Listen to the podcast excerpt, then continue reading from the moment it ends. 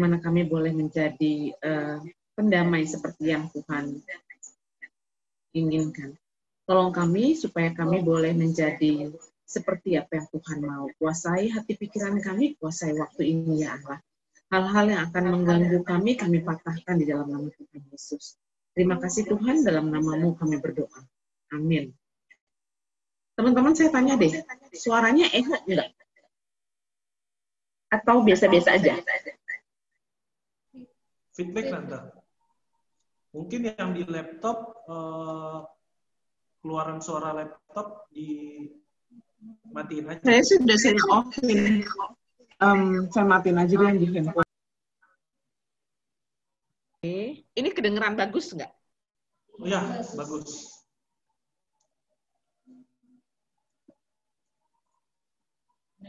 Oke sebenarnya yang mungkin karena tua jadi agak tuli gitu atau laptopnya yang kurang bagus speakernya ya. Coba Yohana jangan senyum, coba kasih jawaban kira-kira telinga saya yang udah tulis sebagai pembawa Tante damai. Mau jawaban apa? Mau jawaban yang Enggak, gue nggak percaya sama lu. Baik, teman-teman yang dikasih Kristus, eh, tema sore hari ini sebenarnya tema yang uh, lumayan ngeri-ngeri sedap buat saya yang membawakan atau tadi saya agak senyum waktu Yohana ditunjuk dengan pembawa damai terus dia hmm, enggak lah gue enggak. Terus mungkin setiap kita kalau dengan jujur gitu merefleksikan seminggu ini aja gitu terus kesaksian apa yang kita bawa sebagai pembawa damai gitu ya mungkin agak enggak enak hati gitu ya agak berat. Memang uh, tema tentang hidup damai memang uh, harapan banyak orang gitu ya. Tapi sangat nggak mudah, sangat nggak mudah begitu. Uh, baik tempat kerjaan atau di mana pun juga, ini sering kali menjadi permasalahan buat kita ya. Terlalu banyak orang-orang yang ada di seputar kita ataupun kita sendiri sebenarnya dengan kepentingan pribadi yang tersembunyi yang akhirnya membuat situasi untuk menjadi pembawa damai itu sangat-sangat sulit dilakukan. Tapi teman-teman, eh, menarik sekali perikop yang diberikan kepada kita adalah peacemaker dan diambil ayatnya satu ayat gitu. Saya baca, saya bawa, saya baca beberapa referensi.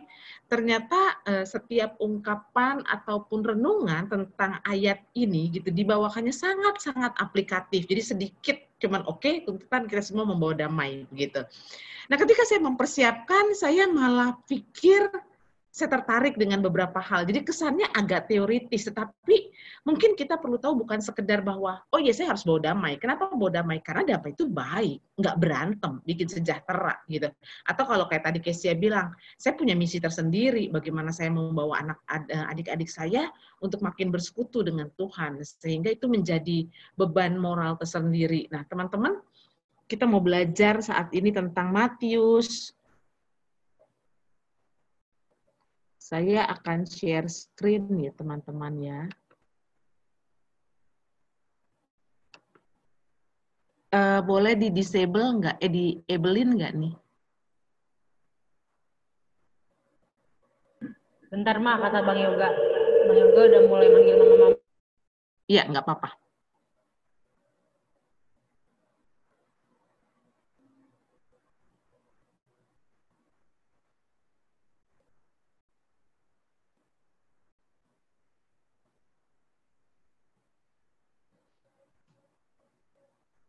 Bisa. Kalau enggak, apakah saya harus kirim ke seseorang? Udah bisa, mah. Coba deh. Bisa. Enggak, masih... Oke. Okay.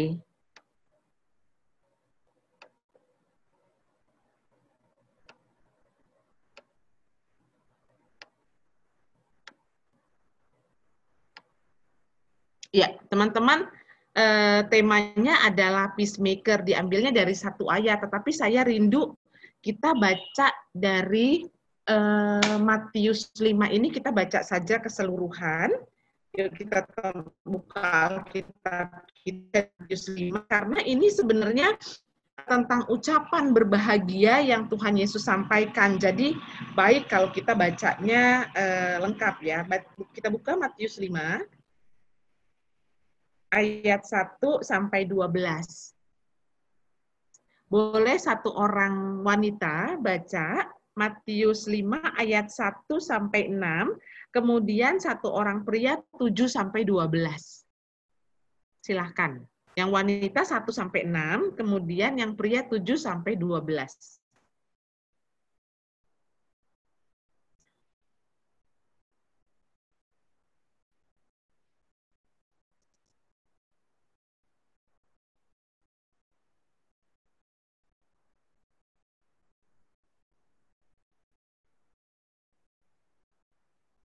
Suara aku kedengeran kan? Ya, kedengeran. Ini suara Oke. masuk nggak? Suara masuk nggak? Masuk. Eko nggak? Iya, masuk. Oke. Matius 5 ayat 1 Aku baca ya. Siapa nih? Ya, silakan. Gua ke gua. Ya udah gue. Ya udah lu, lu ya lu. Ya udah gue. Ketika Yesus melihat orang banyak itu, naiklah ia ke atas bukit dan setelah ia duduk, datanglah murid-muridnya kepadanya. Maka Yesus pun mulai berbicara dan mengajar mereka, katanya, Berbahagialah orang yang miskin di hadapan Allah, karena merekalah yang mempunyai kerajaan surga. Berbahagialah orang yang berduka cita, karena mereka akan dihibur. Berbahagialah orang yang lemah lembut, karena mereka akan memiliki bumi. Berbahagialah orang yang lapar dan haus akan kebenaran, karena mereka akan dipuaskan.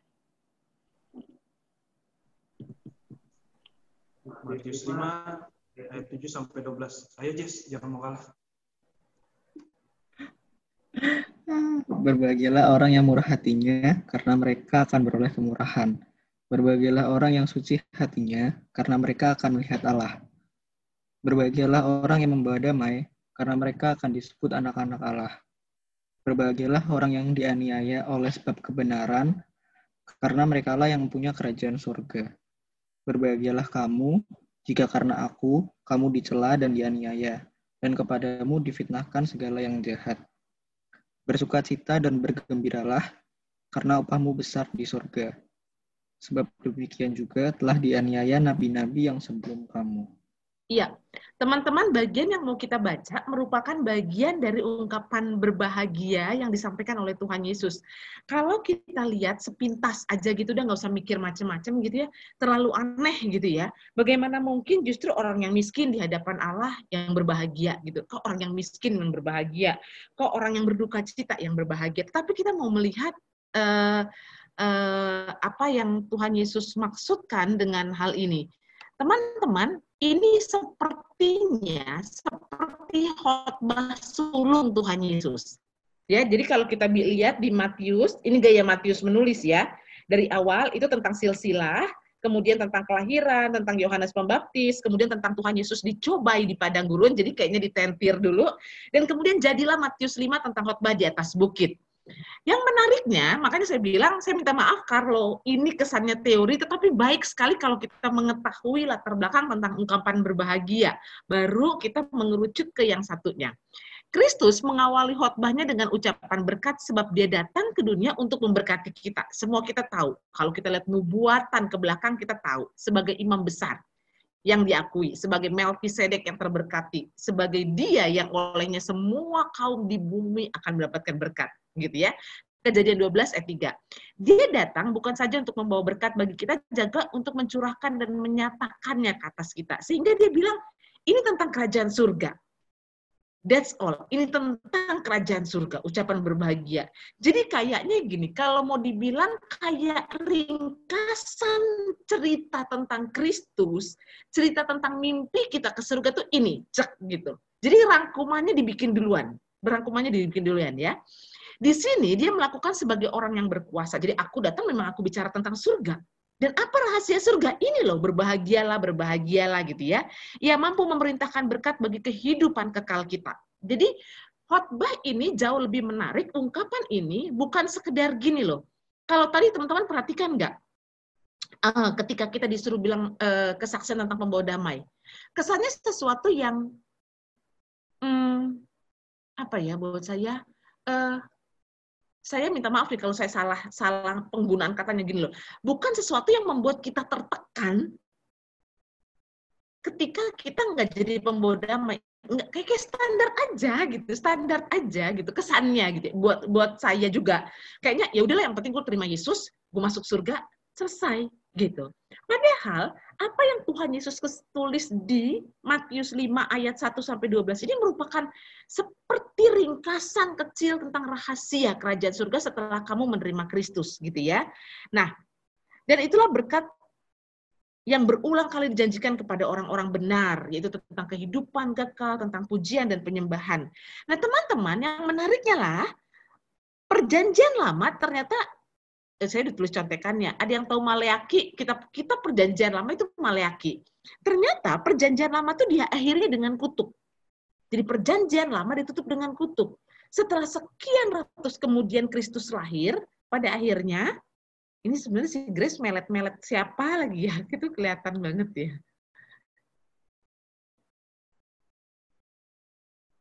Ke Presi mah, Presi ngemil. Oh ya nggak apa-apa, kan dia masih itu perlu perbaikan gizi, nggak apa-apa. Boleh sambil ngemil, sambil kopi apa saya mah nggak apa-apa. Saya mah pembawa damai dalam hal ini ya. Habis itu dikirim, gosen, minta alamat ada di bawah ini ya. Nah, teman-teman, yang menariknya adalah perjanjian lama diakhirinya dengan kutuk. Kemudian Kristus mengawalinya di Matius khotbah itu dengan berkat. Gitu. Sehingga ini untuk itulah kita dipanggil karena kita untuk memperoleh berkat. Jadi kalau kita saya nggak pernah tahu tentang hal ini teman-teman karena lagi belajar. Kalau kita lagi mau uh, renungan, terus kita baca banyak komentar itu saya pikir gini, oh iya ya, lalu saya buka tentang Maleaki 4 ayat 6 dan ternyata memang benar itu tentang kutuk gitu loh, tentang tentang satu hal yang karena itu kan masa penantian terakhir ya di perjanjian lama ya, Maleaki 4 itu hari Tuhan, itu tentang hari Tuhan. Bahkan di ayat 6 dikatakan, eh sesungguhnya aku akan mengutus Nabi Elia kepadamu menjelang datangnya hari Tuhan yang besar dan dahsyat itu gitu ya. Jadi ini bicara tentang uh, ayat 3 kamu kamu akan menginjak orang-orang fasik sebab mereka akan menjadi abu di tanah kayak begitu. Peranan kita tetapi kaitannya dengan kutuk. Lalu tibalah Kristus lahir dan dia membukanya dengan ucapan berbahagia. Berbahagialah berbahagia. Dan ini tentang surga gitu. Bukan sekedar tentang himbauan, himbauan untuk menjadi memiliki karakter yang baik, himbauan untuk melatih temperamen dan kebiasaan kita bukan, tapi ini tentang kerajaan surga. Nah, teman-teman untuk menunjukkan terus menekan bahagia sebenarnya adalah untuk menunjukkan siapa yang benar-benar disebut berbahagia dan seperti apa wataknya orang yang berbahagia. Karena begini, seperti kita tahu bahwa ungkapan berbahagia versi dunia pastinya bukan miskin, pastinya bukan yang berduka cita. Tetapi versi berbahagia adalah banyak uang, punya jabatan, oh iya, saya juga pengen banyak uang, uh, jabatannya baik. Siapa yang nggak pengen? Tetapi enggak itu fokusnya. Teman-teman lihat tren yang lagi sekarang di YouTube, gitu ya. Orang penghasilannya miliaran-miliaran. Terus, tetapi uh, apa yang dia sajikan sering kali bukan lagi bicara tentang berkat, tetapi bicara tentang sesuatu yang yang yang mungkin orang lain cari. Karena kan itu kan kehidupan saya kalau nonton YouTube kayak gitu tuh ya entah siapa gitu ya itu mereka menyajikan apa yang diinginkan orang. Teman-teman bisa lihat apa yang diinginkan orang itu bergeser. Bukan lagi bicara seperti apa yang kata Tuhan tetapi bergeser itu sebabnya ungkapan berbahagianya sebagaimana mau bikin YouTube mau jorok kek mau bikin YouTube yang rohani kek. Tetapi pandangan dunia berbahagia itu berbahagia gitu ya. Pokoknya berbahagia itu artinya lu nggak boleh susah. Berbahagia artinya lu harus senang. Sehingga sekarang semua bukan ada banyak orang bilang gini you have to get your own happy. Ya. Um, saya dengar uh, kesaksiannya Giselnya Gading Martin yang di di interview sama sama Daniel Mananta Terus dia menyesali perceraiannya karena dia bilang pada waktu itu dia nggak mengenal Tuhan sehingga dia nggak tahu. Tetapi sebenarnya sesuatu yang masuk ke dalam pikirannya adalah begini, ya kamu pantas seneng, udah tinggalin. Kalau lu susah sama pasangan, lu layak senang, layak senang. Jadi kuncinya adalah kebahagiaan. Tetapi kebahagiaan yang tidak memuliakan nama Tuhan pun itu dianggap sah. Dengan pemikiran apa teman-teman?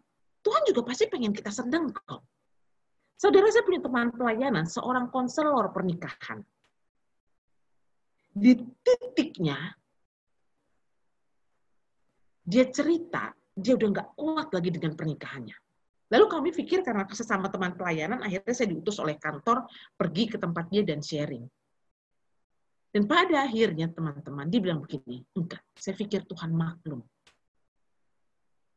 Nah ini pasti sih, pastinya ada yang nggak pas, ada yang salah dengan dirinya dia dalam pengenalannya akan Tuhan. Tetapi teman-teman lihat, kata bahagia itu sepertinya menjadi sesuatu yang memang haknya kita. Haknya kita. Tetapi perikop ini mengajarkan berbahagia itu bukannya haknya kita, tetapi kewajibannya kita memenuhi kebahagiaan itu. Ya, saya ulangi. Konsep dunia mengatakan kita berhak bahagia. Oh yes, amin buat saya juga. Tetapi apa yang Tuhan katakan, kita bukan lagi sekedar, tapi kita mengupayakan kebahagiaan itu karena ini standar ukurnya, indikatornya, indikatornya Tuhan. Jadi bukan indikatornya manusia ya. Apa yang terkandung dalam kebahagiaan sejati itu dalam janji-janji yang diberikan kepada orang-orang yang memiliki watak-watak tertentu. Jadi ini kebahagiaan sejati ada indikatornya sama Tuhan. Tadi tuh ungkapan bahagia. Berbahagialah orang yang uh, miskin di hadapan Allah, berbahagia. Nah, ini indikatornya. Ini KPI-nya kalau buat orang yang kerja. Key performance indikatornya. Ya, watak-watak inilah yang pemilik kerajaan surga. Serem kan kita? Kalau kita standarnya adalah tujuan kita adalah surga, lalu kita nggak memenuhi hal ini, ngeri juga kan?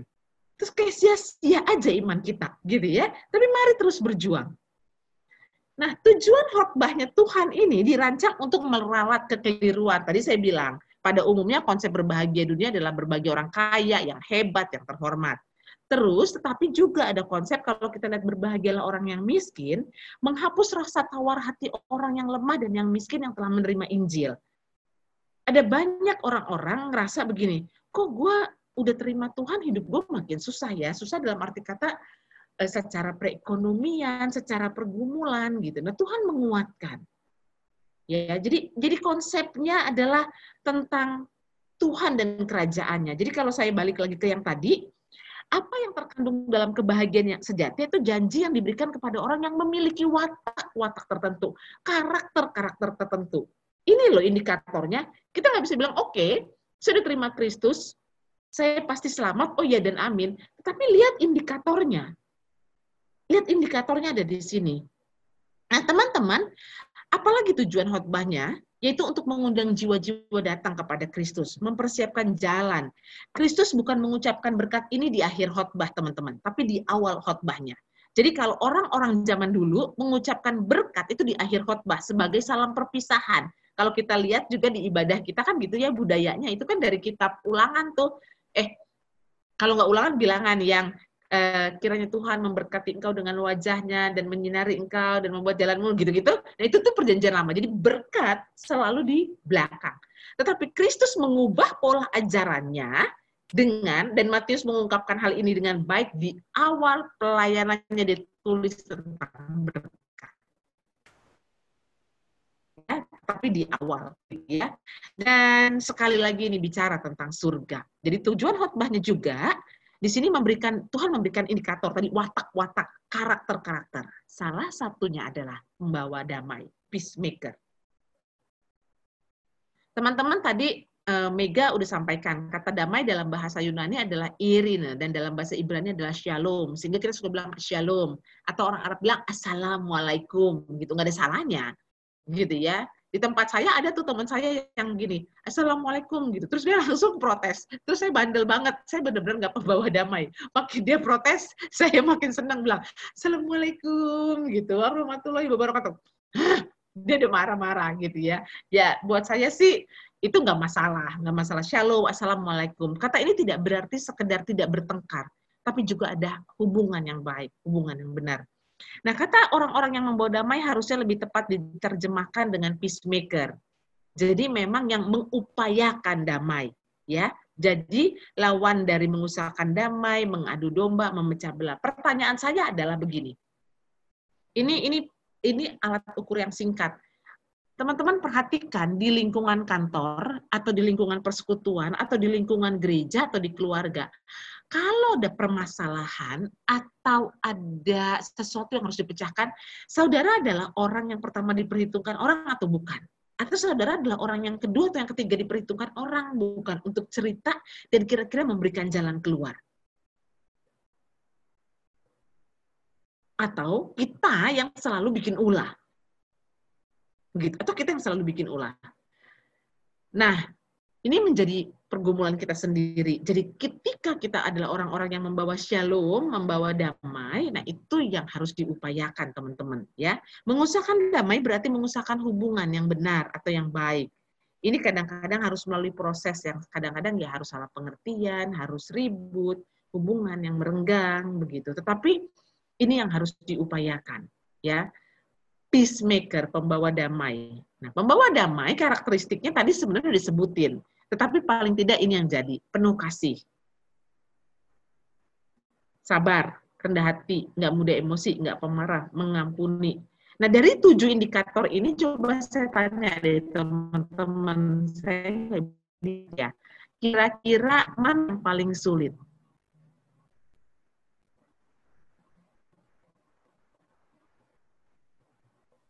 Yang milih satu coba, ada saya bisa lihat. Nomor 6 tante. Oke, yoga nomor 6 ya. Eh, ada yang lain? Nomor berapa?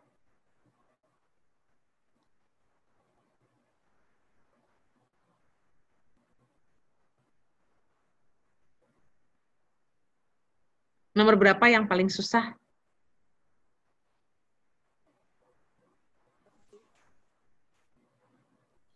Satu dan empat, Tante. Satu. Kamu kayaknya penuh kasih deh, murah hati lagi. Eh, empat sih, empat sih Tante. Mudah emosi kalau melihat spesies dinosaurus. Oh, iya, ya. Kita orang Batak ya, jadi mudah emosi ya. Oke, okay. ada lagi. Um, saya senang sekali sebenarnya Yohana nih uh, anak pemuda favorit saya, the most favorite person saya nih Yohana. Coba Yohana, yuk dari satu sampai tujuh sayang, mana yang paling susah?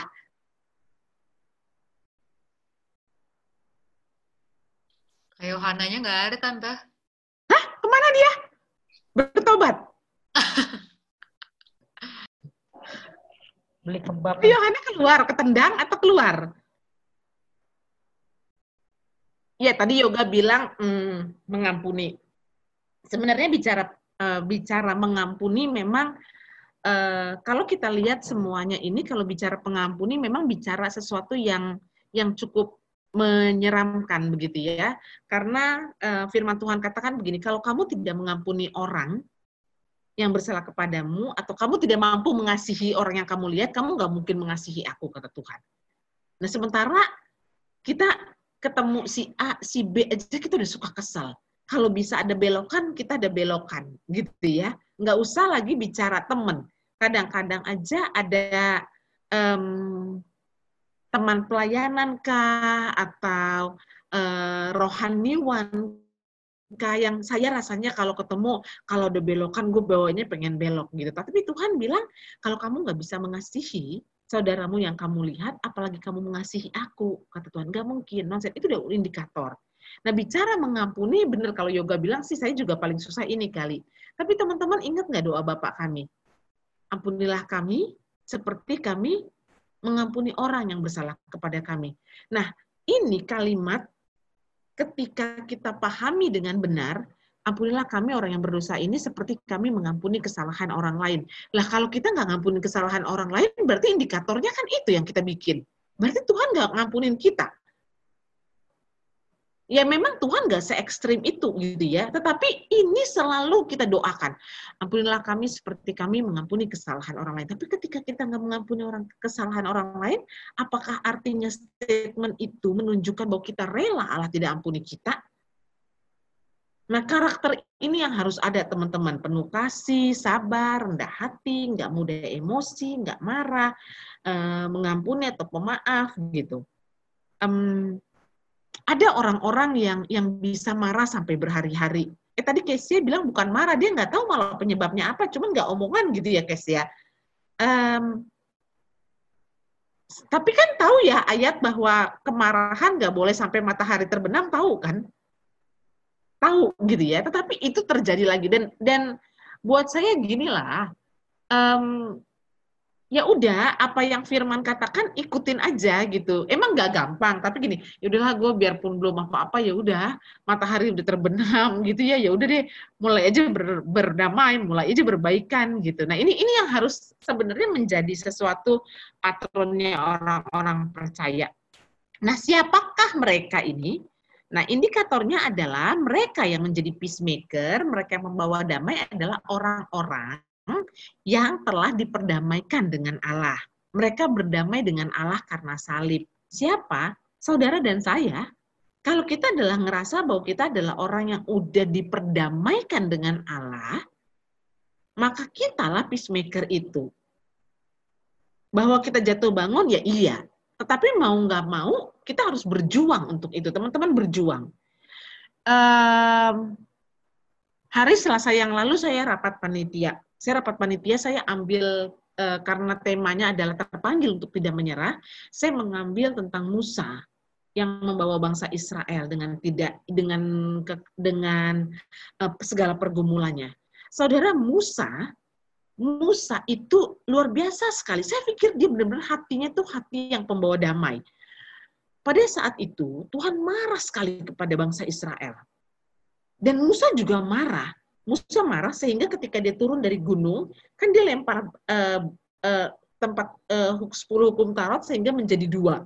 Saking dia marahnya. Karena apa? Karena Harun, karena Miriam ternyata membuat patung, patung lembu untuk mereka sembah dan dia marah sekali. Lalu ketika Allah murka kepada bangsa Israel, dia bilang begini, aku akan menghukum mereka. Mereka nggak akan masuk tanah perjanjian. Tapi engkau Musa, dia bilang, tapi engkau Musa, engkau akan kujadikan tetap besar. Engkau akan masuk tanah perjanjian itu. Teman-teman, kalau saya Musa, emang saya bukan Musa kali ya, saya akan bilang gini, oke okay, Tuhan, thank you. You count me. Tuhan perhitungkan saya dengan kesetiaannya. Tapi saat itu Musa bilang, Tuhan, jangan. Ya.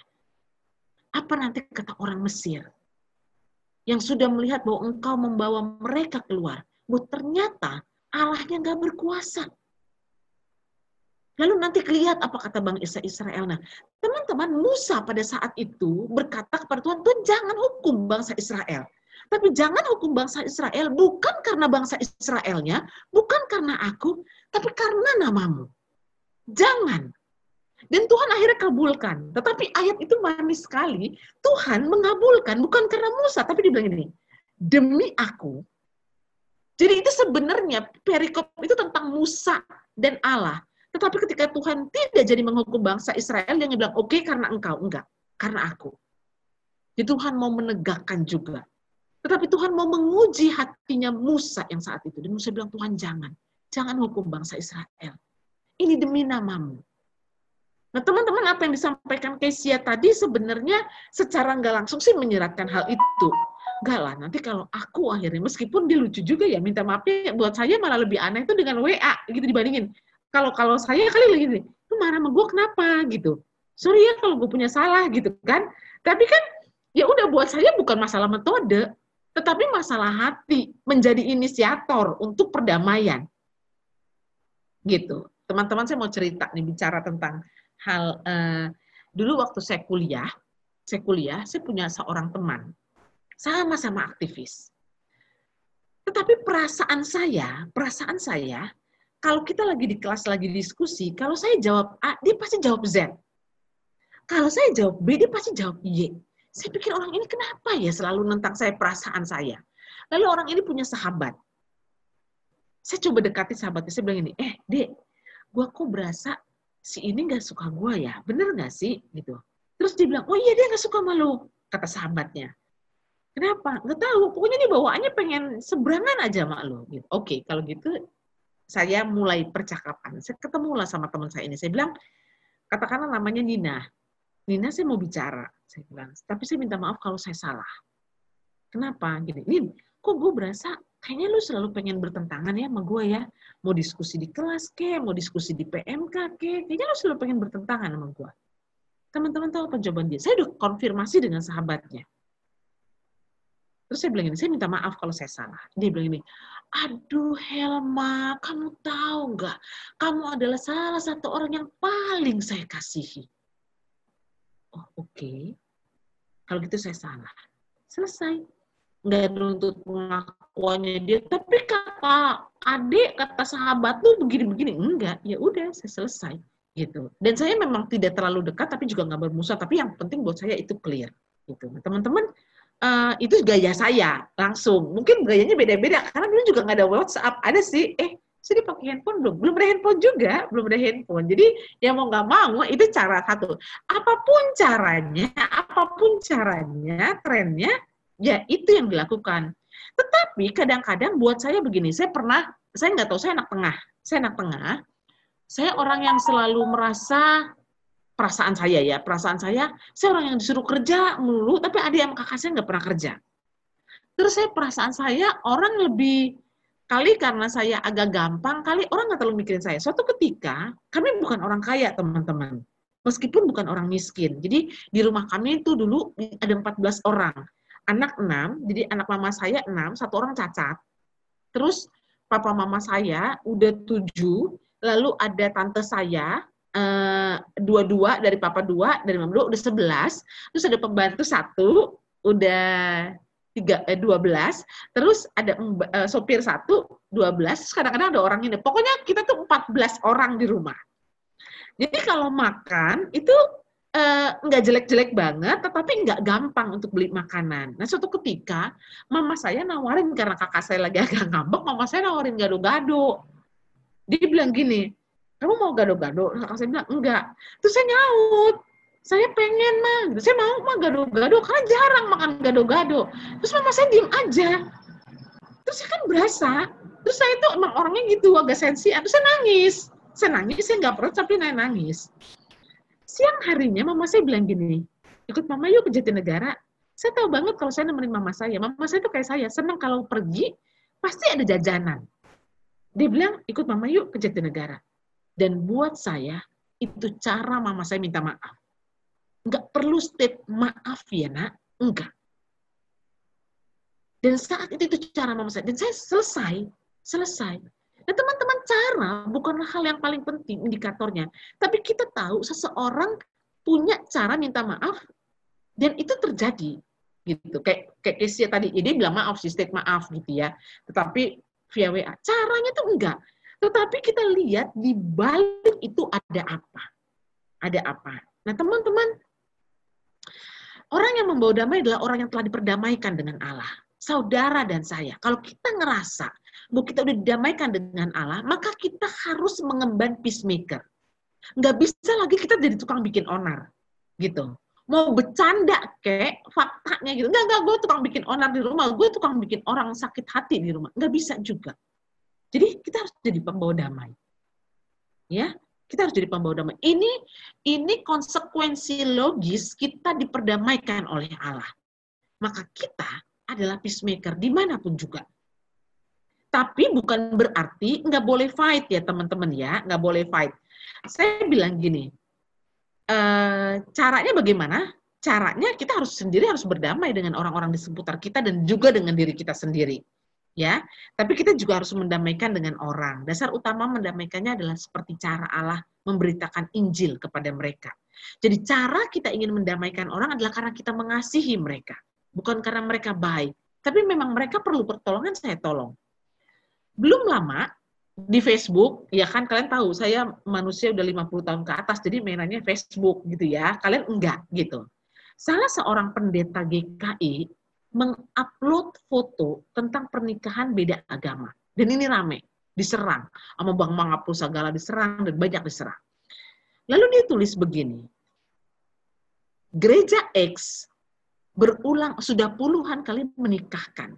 Karena kita tahu Tuhan sendiri juga mengasihi semua orang. Saya bukan mau bikin kontroversi di sini dengan membahas tentang status itu. Tetapi saya mau katakan berkaitan dengan poin B. Dasar utama mendamaikan mereka adalah dengan memberitakan Injil. Setuju bahwa Tuhan mengasihi semua orang, yes. Itu sebabnya dia mati di kayu salib. Itu sebabnya kita harus memberitakan kabar keselamatan kepada semua orang. Ketika ada statement Tuhan mengasihi semua orang, yang Tuhan mau adalah mereka semua terima Tuhan sebagai Tuhan dan Juru Selamat. Itu kasihnya. Ketika Tuhan mengasihi semua orang, buat Tuhan alat ukurnya bukan baik atau tidak baik. Saya sedang selalu membawa Cornelius di sini. Kalau teman-teman perhatikan, Cornelius diangkat, cerita tentang Cornelius diangkat tuh buat saya meneguhkan banget. Baik aja nggak cukup. Cornelius adalah seorang perwira Romawi yang firman Tuhan katakan dia sangat baik, suka bersedekah, hatinya kepada janda-janda, dan doanya selalu didengar oleh Tuhan. Tetapi Tuhan perlu mengutus Petrus kepada Cornelius. Saat itu Petrus tuh udah bertanya jawab sama Tuhan. Tuhan nggak mau, aku nggak biasa makan makanan yang haram. Kalau teman-teman ingat itu kan tentang yang Tuhan kasih binatang-binatang. Tapi Tuhan bilang bukan. Apa yang aku katakan halal adalah halal. Jadi itu bukan tentang makanan. Tapi saat itu Petrus yang udah bergaul akrab dengan Yesus berpikir keselamatan hanya milik orang Yahudi. Hanya milik orang Israel. Tuhan bilang enggak, karena orang ini orang Romawi. Sehingga ketika konsep kasih Kristus kepada manusia, itu konsepnya adalah keselamatan. Setiap orang butuh keselamatan, bukan dinikahkan. Gitu. Itu itu pandangan saya, tetapi saya berani mempertanggungjawabkan sesuai dengan iman saya.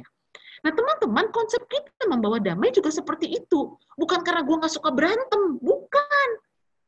Tapi karena saya harus membawa damai Allah kepada mereka. Ketika Kesia bilang, enggak, gue mau, adik-adik gue juga lihat gue nih persekutuan. Gue mau mereka datang. Bukan sekedar datang persekutuan dong pastinya, tetapi impact dari ikut persekutuan. Apalagi kalau dia yakin banget sama persekutuan pemuda. Pembicaranya pilihan, orang-orangnya pilihan. Kan gigi selalu gitu. Hmm, lihat nih gue pemuda. Gak apa-apa, fine, bagus. Karena ketika ke pemuda, artinya orang itu akan mengalami perjumpaan dengan Tuhan Nah, kenapa kita menjadi pembawa damai? Bukan karena enggak cuman bukan enggak gue bukan parbada, jadi gue pengen jadi pembawa damai. Enggak. Ada misi yang dibawa, yaitu memberitakan Injil kepada mereka. Membawa orang mengalami perjumpaan dengan Yesus. Saudara, tema keluar ini bukan endorse bulan keluarga ya, bukan. Tetapi saya mau ceritain tentang begini.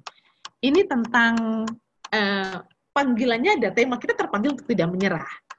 Tetapi teman-teman tahu nggak, dalam memperjuangkan untuk menjadi pendamai, teman-teman lihat nggak cukup waktu untuk menjelaskan tentang garis ini. Garis ini sepertinya kecil, tetapi garis ini penggenapannya ribuan tahun dan belum selesai sampai sekarang.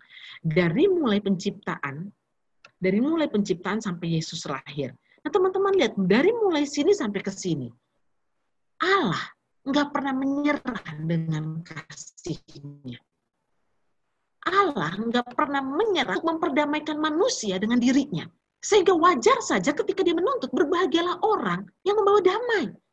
Karena aku memberikan nyawaku untuk mendamaikan kamu dan aku.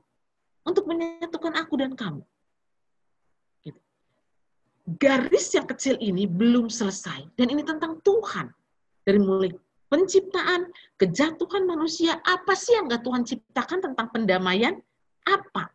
Ketika manusia keluar pun uh, dari Taman Eden, itu bukan karena hukuman, tetapi karena Tuhan mengasihi. Karena kata Tuhan, mereka harus keluar. Kalau enggak, mereka makan pohon kehidupan.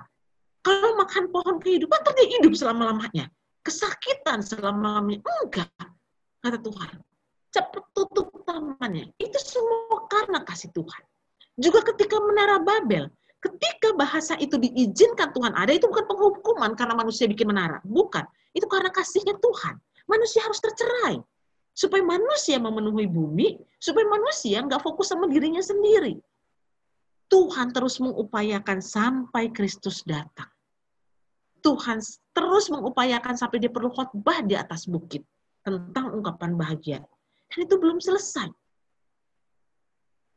Tuhan gak pernah menyerah untuk mendamaikan manusia dengan dirinya.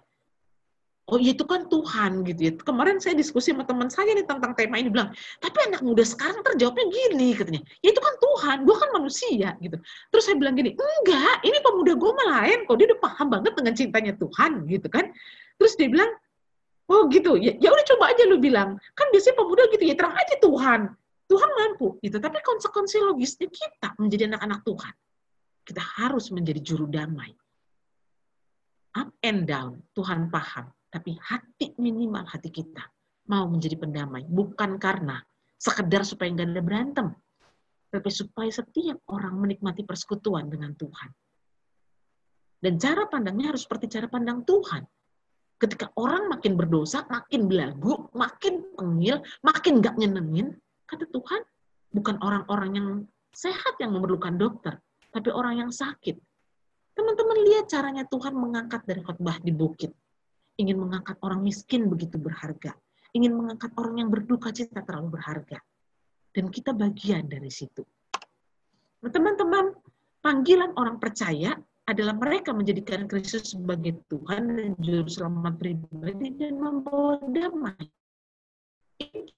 Lengkap, paket nempel, nggak bisa enggak, nggak bisa enggak. Saudara dan saya adalah orang yang sama-sama belajar, sama-sama sedang berjuang untuk ini. Gitu. Tapi kata Tuhan, kamu bisa karena aku. Karena aku sudah meneladani, memberikan contohnya dulu, gitu. Mari hargai khotbah sulung Tuhan ini, mari hargai khotbah awal ini yang mengajak kita untuk menjadi juru damai. Dan nggak pernah berhenti berjuang untuk jadi juru damai. Syaratnya tadi, saya juga belum tamat-tamat dengan kriteria yang ada. Tetapi paling tidak, mari jatuh bangun di dalam perjuangan ini.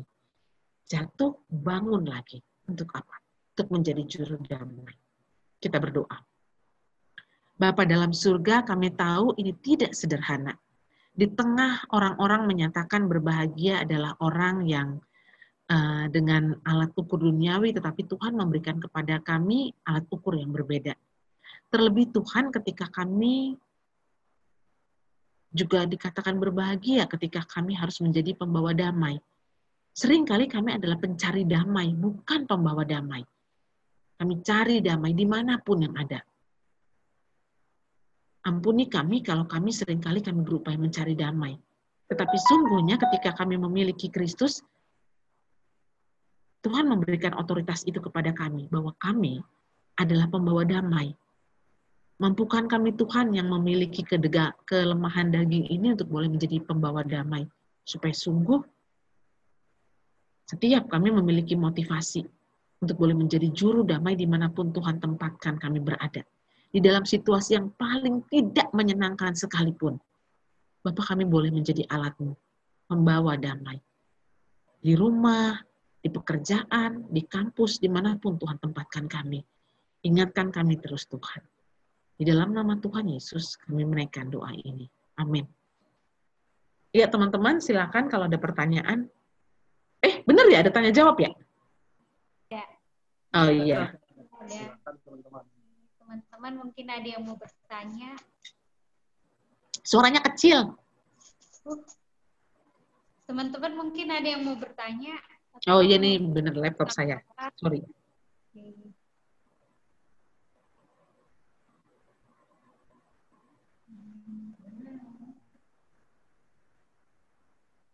Sepertinya nggak ada.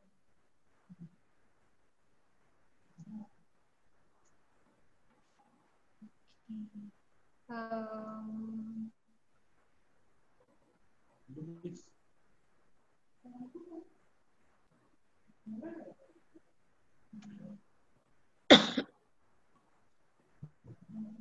em, kalau nggak ada, aku yang mau bertanya, Tante. Em, gimana em, caranya jadi pendamai yang baik di saat kita berada di antara orang yang em, sedang marahan kayak gitu. Sedang sedang marahan. Gimana Jadi- cara kita untuk Jadi misalnya ada tiga orang, dua orang marahan, terus kamu nggak marahan sama semuanya. ya Em, dua-duanya teman kamu atau teman dekat atau teman jauh? hmm, orang terdekat. Orang terdekat. Ya, em, jadi gini ya, Em, kalau pembawa damai juga kan nggak boleh bisa nggak bisa langsung instan. Ayo baikan, ayo baikan, gitu kan nggak bisa ya. Tetapi ya, ya coba menjadi teman yang baik dengan dengar kiri, dengar kanan, gitu kan, ya kan. Terus eh, ya coba klarifikasi lah jadi jembatan. Kalau emang teman dekat kan bisa mengklarifikasi bukan ternyata dia maksudnya bukan kayak gini, ternyata dia bukan maksudnya temennya kayak gini gitu klarifikasi. Tapi juga bukan juga jadi orang yang kepo-kepo banget gitu, tapi tanya aja dan kamu coba untuk jadi katalisator aja ya mengklarifikasi kalau emang teman dekat. Tapi kalau nggak teman dekat, kadang-kadang juga nggak perlu dicampuri terlalu jauh, tapi nggak makin bikin keruh, nggak makin bikin eh, ribet gitu.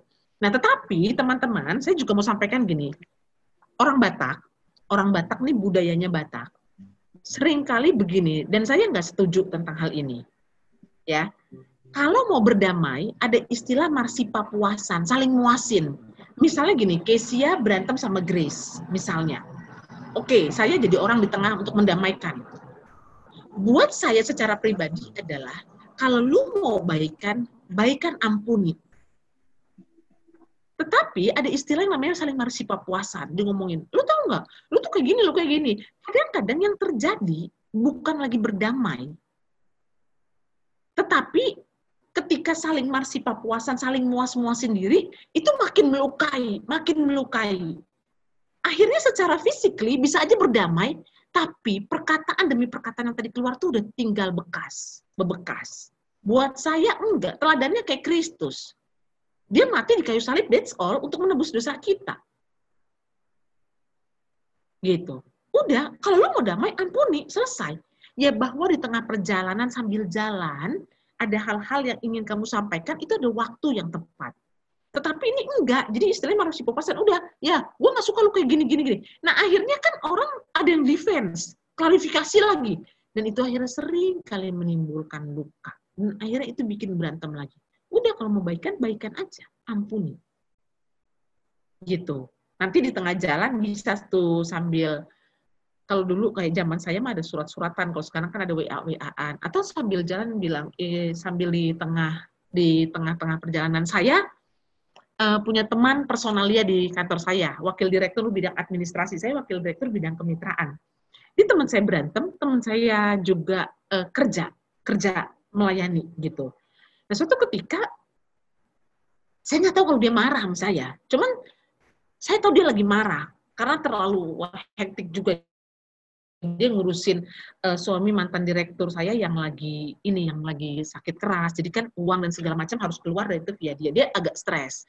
Saya tahu dia lagi marah tapi saya nggak berasa kalau itu marahnya sama saya. Gitu nah akhirnya dia nggak tahan juga kan? Dia nggak tahan juga. Akhirnya dia bilang ini aku mau ngomong gitu ngomong. Dia nangis dia nangis dia ungkapkan kemarahannya buat saya cuma bilang begini oke okay, gue tahu lu marah gue minta maaf.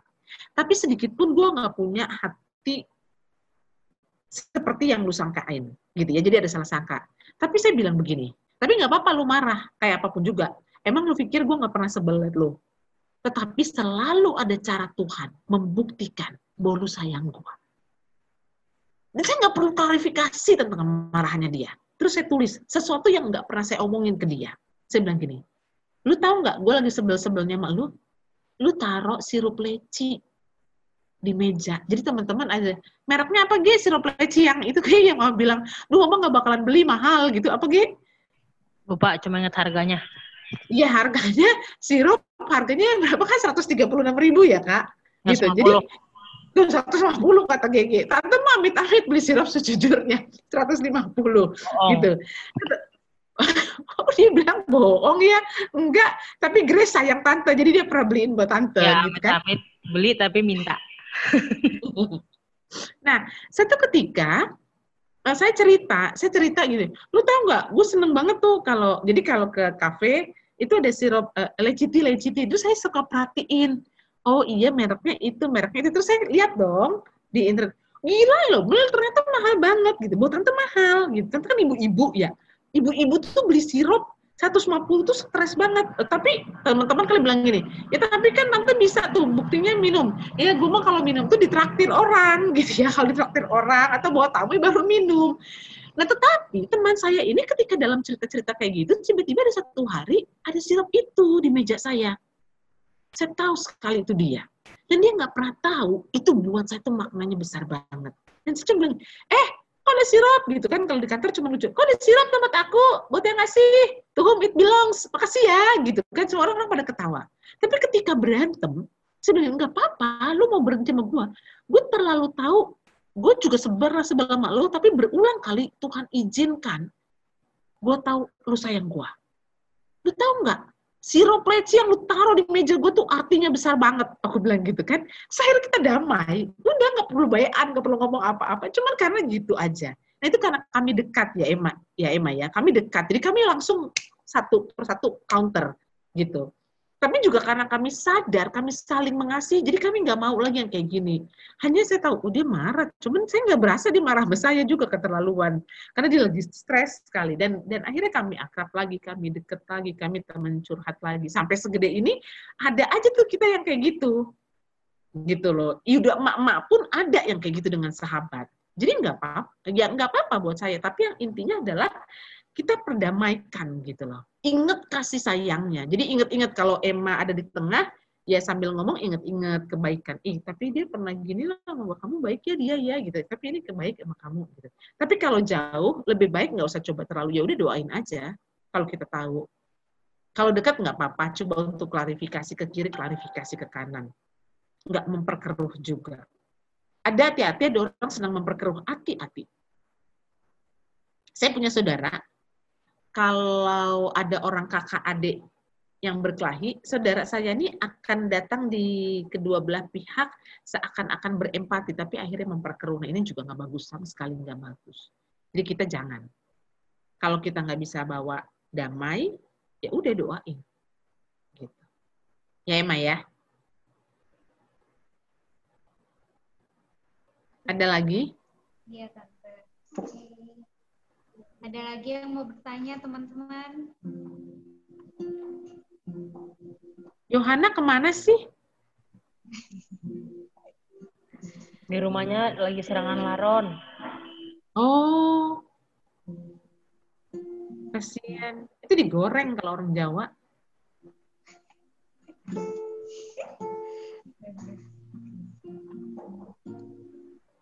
Nggak ada? Kamu Stika tampaknya ingin nanya tuh.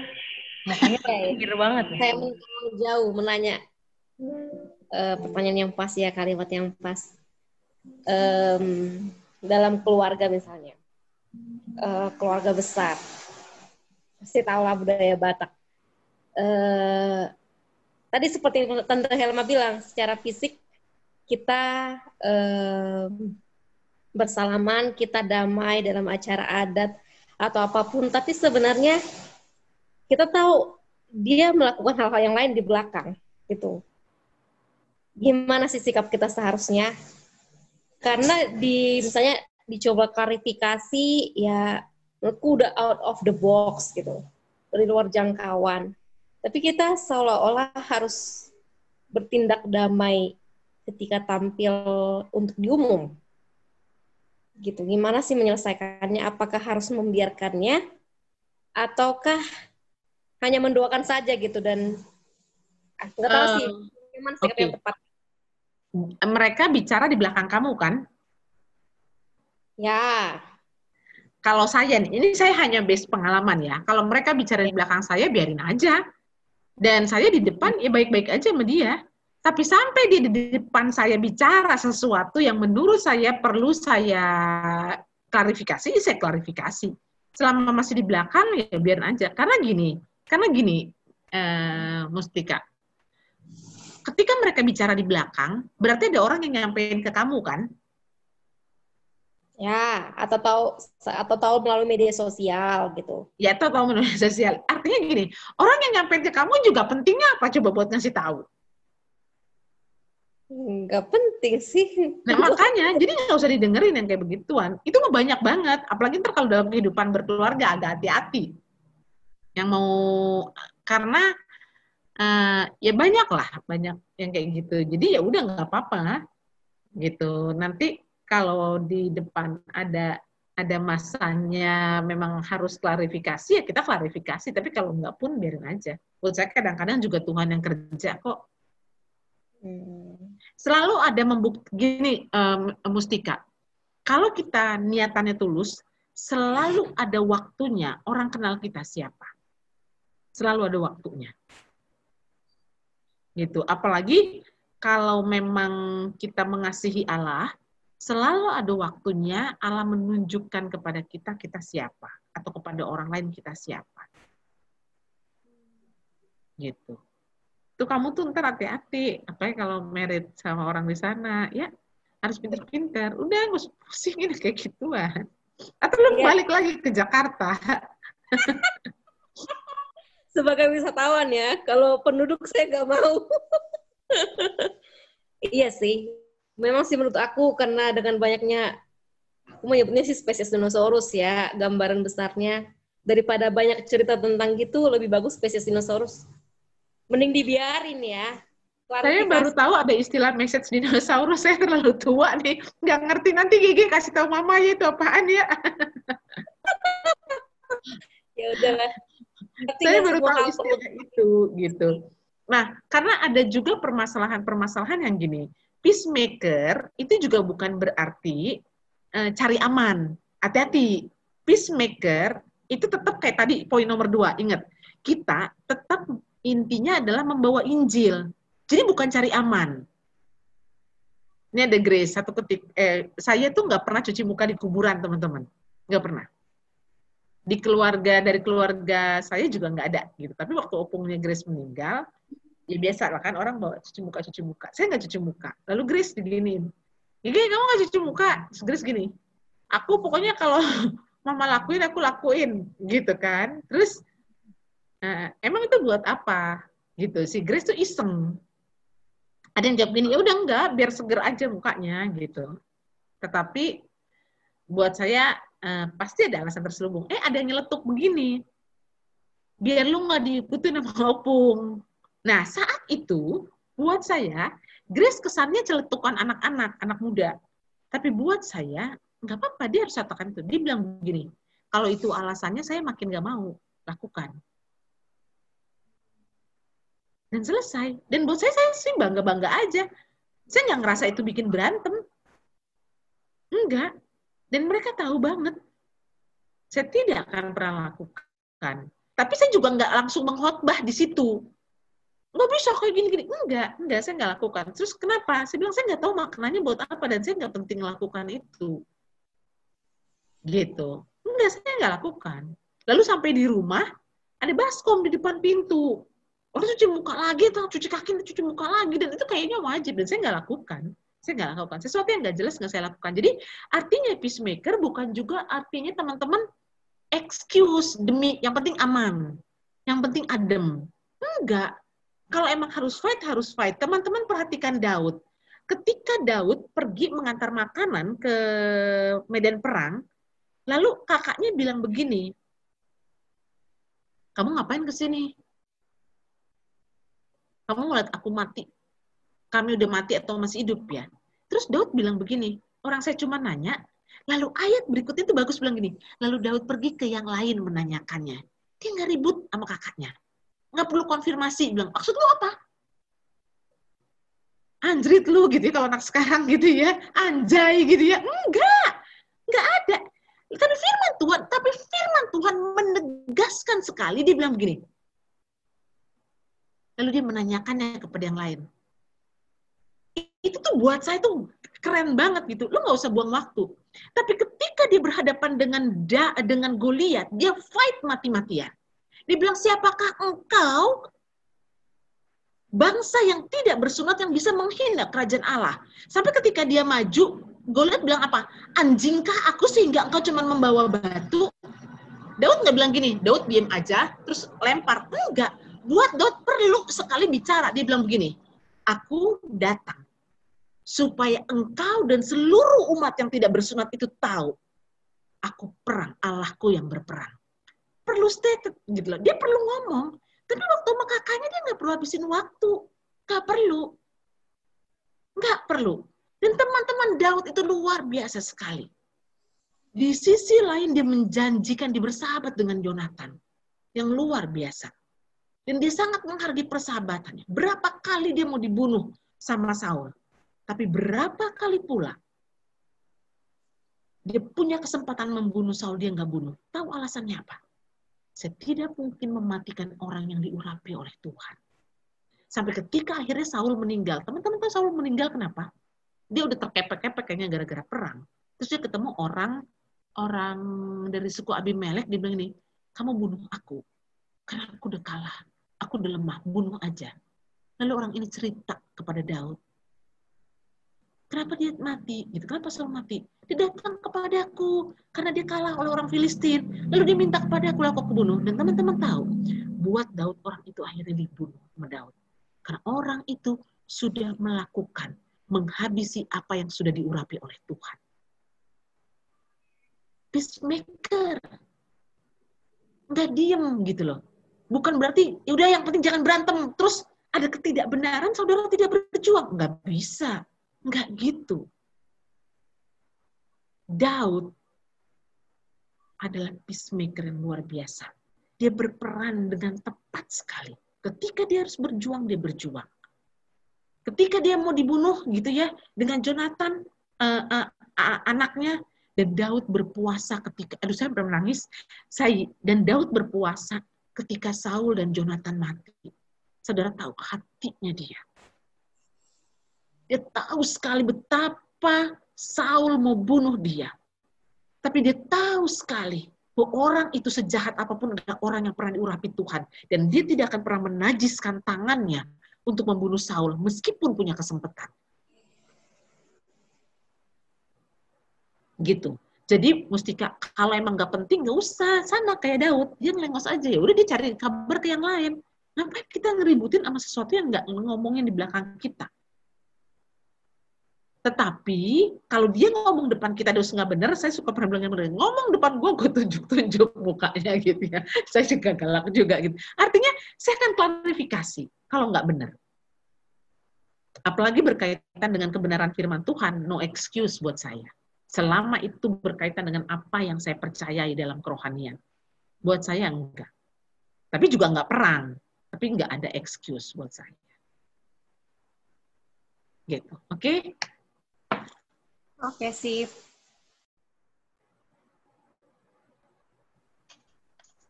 Tante Elma mau nanya dong. Iya. Uh, kan tadi itu masalah pemaaf gitu ya.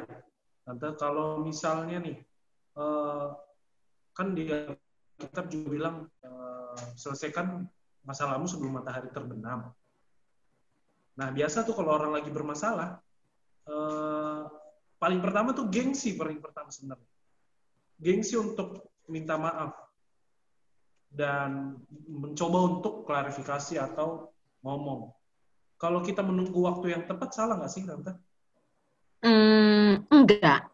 Asal kamu jujur ya, Yoga ya. Jujur artinya gini, kamu sedang mencari benar mencari waktu yang tepat atau kamu deny sebenarnya, menghindari, avoid dari situasi itu. Itu tipis banget, hanya kamu yang tahu. Hanya kamu yang tahu. Udahlah cari waktu yang tepat lah, ini bukan waktunya. Ntar juga ada caranya Tuhan gitu. Udahlah gue udah maafin gitu. Tapi padahal enggak juga. Gue udah maafin, tapi gue nggak mau ngomong aja sama dia. Ya nggak bisa lah. Gitu. Nah nggak apa-apa mencari waktu yang tepat nggak apa-apa. Gitu. Artinya ada kepekaan juga dengan Tuhan. Artinya mengampuni tetapi mengklarifikasinya nanti. Tetapi harus jujur sama diri sendiri. Kan itu tipis banget ya emang males gitu sama berdoa kan selaput rohani itu tipis banget gitu loh. Iya deh, gue cuma cari waktu, gue doa dulu, lu doa doa mulu gitu. Enggak, belum waktu Tuhan, belum waktu Tuhan. Padahal kita yang nggak mau, Tuhan yang dituduh gitu ya. Tuhan dikambing hitamkan. Enggak, emang belum waktu Tuhan. Kayaknya gue belum digerakkan oleh Allah. Gimana nggak digerakkan sama Allah? Berdamai kok. Orang itu karakternya Allah, masa nggak digerakin sama Allah? Gitu. Ya, jadi ya jujur aja dulu. Cuman kan itu kan kedagingannya kita Oke, Tante. Thank you. Mm -mm.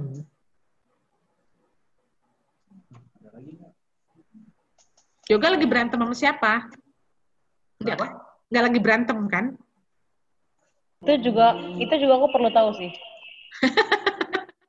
Kok ada yang ikut-ikut kamu pembicara bukan ini juga bukan juru damai. Nah ini nggak bagus, ini nggak bagus. Ini contoh yang tidak baik ya. Mengetahui semua permasalahan pemuda kayaknya gengges tante. Oh iya iya gitu. Ya. Dia ketua soalnya kan. Tapi kan ketua bukannya konselor ya. Heeh, Iya. Jadi nggak berhak tahu semuanya juga ya. Tapi biasanya ketua menjadi wadah untuk curhat emang jadi tahu. Oh, nggak apa-apa. Itu namanya nggak apa-apa. Kan tadi saya bilang, ketika kamu susah, ketika ada orang, siapa sih sebenarnya orang pertama yang mau kamu lakukan? Pernah nggak kita? Jangan sebenarnya kita adalah orang yang selalu dihindari oleh orang lain. Gitu loh.